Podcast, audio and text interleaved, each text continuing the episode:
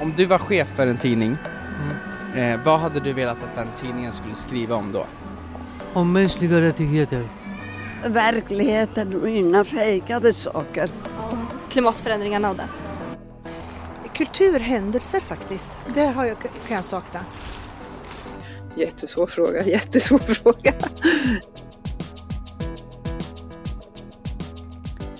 Hej och varmt välkommen till det första avsnittet av Listening Post Norrköping.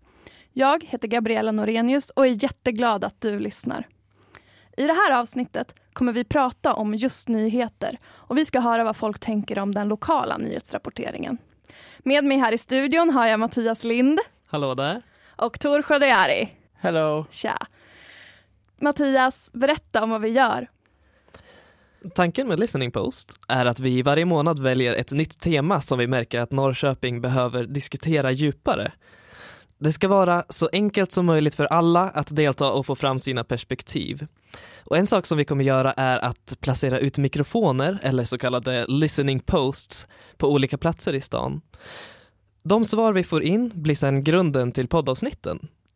Så du kan ta del av listening posts, dels genom dina lurar som du kanske gör just nu, eller genom att vara med och skapa podden egentligen. Och nu har vi varit ute och träffat folk. Tor, hur har det gått? Det här är ju vår första månad som vi gör Listening Post och därför kändes det rätt att nu i början fråga folk vad för lokala nyheter de faktiskt vill ha och vad de saknar. Norrköping, de gav oss många svar. Sveriges problem och inte utländska problem bara. Saker som händer oss istället, våra vardagliga liv.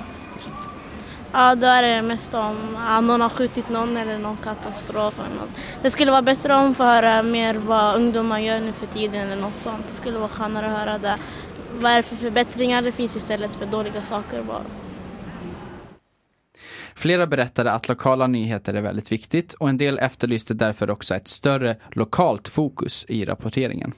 Samtidigt svarade flera med att det behöver göras mer nyheter som bevakar krig och utländska konflikter. Om du var chef för en tidning, eh, vad hade du velat att den tidningen skulle skriva om då? Om mänskliga rättigheter. Eh, människornas lika värde, hur man, eh, alltså flyktingarna som flyr från eh, krig, fattigdom och sånt. Eh, folk behöver ju veta varför kommer till exempel flyktingar och så vidare. Och det har väldigt mycket med mänskliga rättigheter att göra. Vad sa de mer? Jag vill ha mer positiva nyheter, sa flera vi mötte och något annat som märktes tydligt är att det snart är val. En yngre man, Dennis Andriossi, säger så här. Jag vet inte vilka som är de här politikjättarna i S- Sve- Sverige eller i ens egna stad. Man hör ju... Vad heter det nu? Stjernqvist? Nej, jag menar alltså, om jag röstar till exempel för Norrköping, då vill jag veta vilka har prioritet i Norrköping så man inte röstar på ett parti som kanske inte ens har en lokal i Norrköping utan de har bara liksom, då är det ingen idé att rösta där. Ja, jag tänkte på det när jag hörde svaret. Hur många har egentligen koll på vilka lokalpolitikerna i en stad är? Vilka som faktiskt jobbar för frågor eller platser som, som man tycker är viktigt? För det finns ju såklart många fler än bara stjärnan. Mattias, vad har du snappat upp? Vi var också nyfikna under det här arbetet på att höra om folks eh, upplevelser av att komma i kontakt med journalister. Och jag träffade Willy Flores som har varit en av nyckelpersonerna bakom Backup. Han har jobbat med det i snart 28 år. Backup består främst av ungdomar och de gör nattvandringar för att göra Norrköping till en tryggare plats. Han mindes specifikt ett möte med lokal media extra tydligt. Det var efter ett bråk i början av 90-talet. Jag har inte kunnat hitta den specifika artikeln han berättar om, men jag vill ändå spela upp det han säger. Jo, det hände. Det var ju på grund av det där bråket alltså. Det var någon knivbråk eh, också. Eh, det kom journalister till mig och ville prata med några ungdomar som hade varit där i händelsernas, händelsernas förlopp. Och jag eh, ville att jag eh, eh läsa eh, intervjun efteråt. Och eh, det fick jag göra. Men han ändrade saker sen efteråt. Den här journalisten och fotografen. Den här fotografen som kom sent också till själva intervjun. Han började att regissera hur ungdomarna skulle ställa sig och hur, vad de skulle göra. Så på måndag, på måndag morgon så står det i tidningen fem stycken grabbar som pekar finger, fuck you-finger, med luvor eh, som täcker nästan hela ansiktet. Och så, så stod det om fem år så tar vi över hela stan. Och det var ett invandrarbarn alltså. Det, det resulterade i kaos. Det resulterade att eh, ungdomarna som var med på den här bilden, de fick, de fick stryk allihop. Mm. Eh, Willy Flores där alltså. Sen har jag också pratat med Helena Henriksson som har varit projektledare för Hagebyprojektet. Och även hon har länge fokuserat på hur Norrköping kan bli en tryggare stad. Här är en av hennes berättelser. Och eh, jag spelade in den här med mobilen så jag ber om ursäkt i förväg för att ljudkvaliteten inte riktigt matchar. Jag blev tillfrågad om jag ville vara med i ett, eh, eh en intervju. Och ja, eh, man blir ju lite så fundersam. Ska, det, hur, ska man nu titta på det som är negativt igen och, och slå ner det i Hageby så att det händer massa tråkiga saker.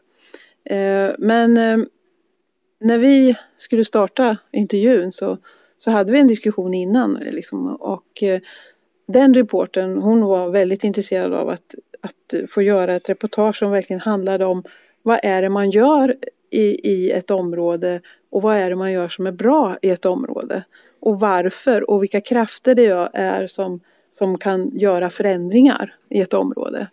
Och det gjorde ju att man blev liksom, ja men det var, det, det var ett fantastiskt möte tycker jag. Vi har inte fått upp våra mikrofoner än, men vi skickade ju faktiskt iväg dig Tor till Mirum Gallerian med en mikrofon. Om du hade varit eh, nyhetschefen då, eh, vad hade du känt eh, var viktigt att den tidningen bevakade? Ja, allt som rör med området. Något glatt som har hänt om jag säger och inte bara tråkiga nyheter utan ta och sen att det är olika reportage av olika saker. Det vill jag ha. Jag vill ha hela svepet. Jag tycker det är bra som det är. Ja.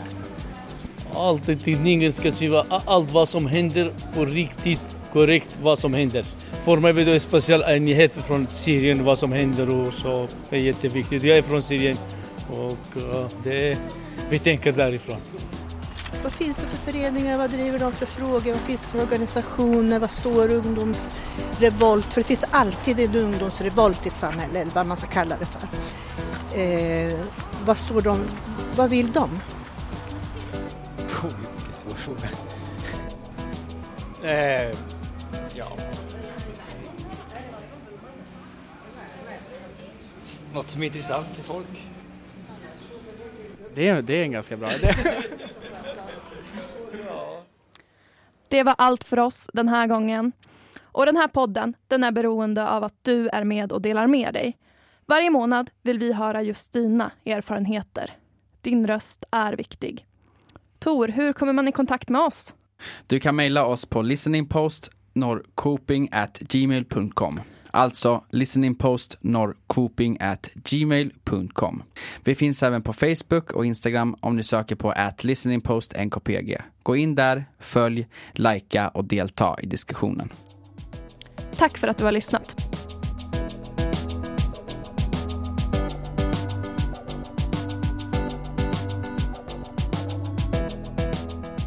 Ja, det här är om vården, tror jag. Det fungerar inte överhuvudtaget, vårdcentraler eller... Det skulle jag vilja att de djupt granskar varför. Problemet som, är, som det händer idag på stan, ja, det är som är ungdomar, de som använder grejer och, och bråk och... Ja. Det vi, man måste veta, vi måste, om vi känner dem och så vidare, dem, vi pratar med dem. Det är så. Transporter, bussar och lite sånt. Jag, ska, jag skulle i alla fall inte välja skriva bara för att det lockar, som många tidningar gör idag. Men jag skulle, skulle nog skriva någonting som hjälper människor istället. Det är hockey. Ja, mycket hockey. Mm.